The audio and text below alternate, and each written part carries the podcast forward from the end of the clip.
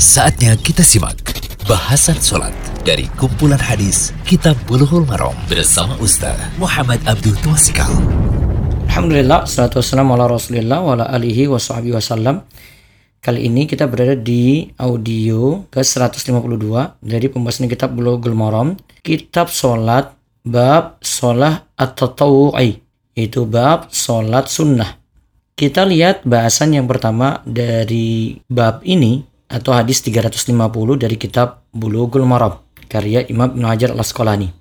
Pahala sholat sunnah dekat dengan Nabi di surga. An Rabi'ah bin Ka'ab al-Aslami radhiyallahu anhu qol qala lin nabiyyu sallallahu alaihi wasallam sal fakultu as'aluka murafaqataka fil jannah faqal aw ghayra dhalik qultu huwa dhak qal fa inni ala nafsika bi kasrati sujud dari Rabi'ah bin Ka'ab al-Aslami radhiyallahu anhu Nabi sallallahu alaihi wasallam pernah bersabda kepadaku mintalah padaku Aku menjawab, aku mohon dapat bersama denganmu di surga. Beliau bertanya, apakah ada yang lain? Aku menjawab, hanya itu saja. Beliau bersabda, tolonglah aku untuk mendoakan dirimu dengan banyak sujud. Ya, dengan banyak sujud. Hadis ini riwayat Muslim. Faedah hadis hadis ini menunjukkan keutamaan sholat sunnah. Karena sholat merupakan seutama-utamanya ketaatan.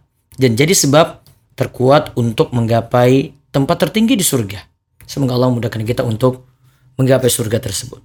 Yang kedua, yang dimaksud memperbanyak sujud adalah memperbanyak sholat sunnah. Sujud itu mewakili sholat. Karena sujud adalah bagian terpenting dari sholat.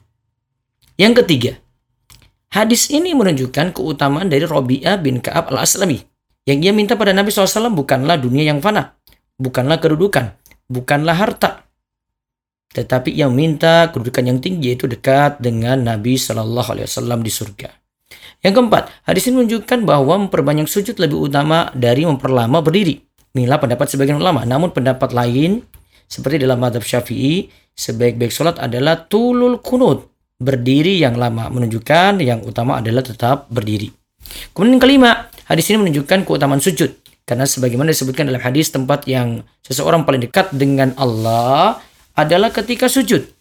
Kala itu diperintahkan untuk memperbanyak doa.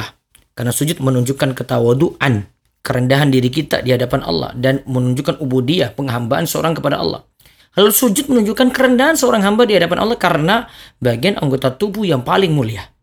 Wajah berada di tanah kalah sujud. Ya, berada di tanah kalah sujud. Demikian, semoga Allah mudahkan kita untuk gemar menjaga amalan-amalan sunnah yaitu sholat sunnah sehingga dekat dengan Nabi kita di surga. Allah wali taufik. Demikian bahasan sholat dari kumpulan hadis Kitab Bulughul Maram bersama Ustaz Muhammad Abdul Tuasikal.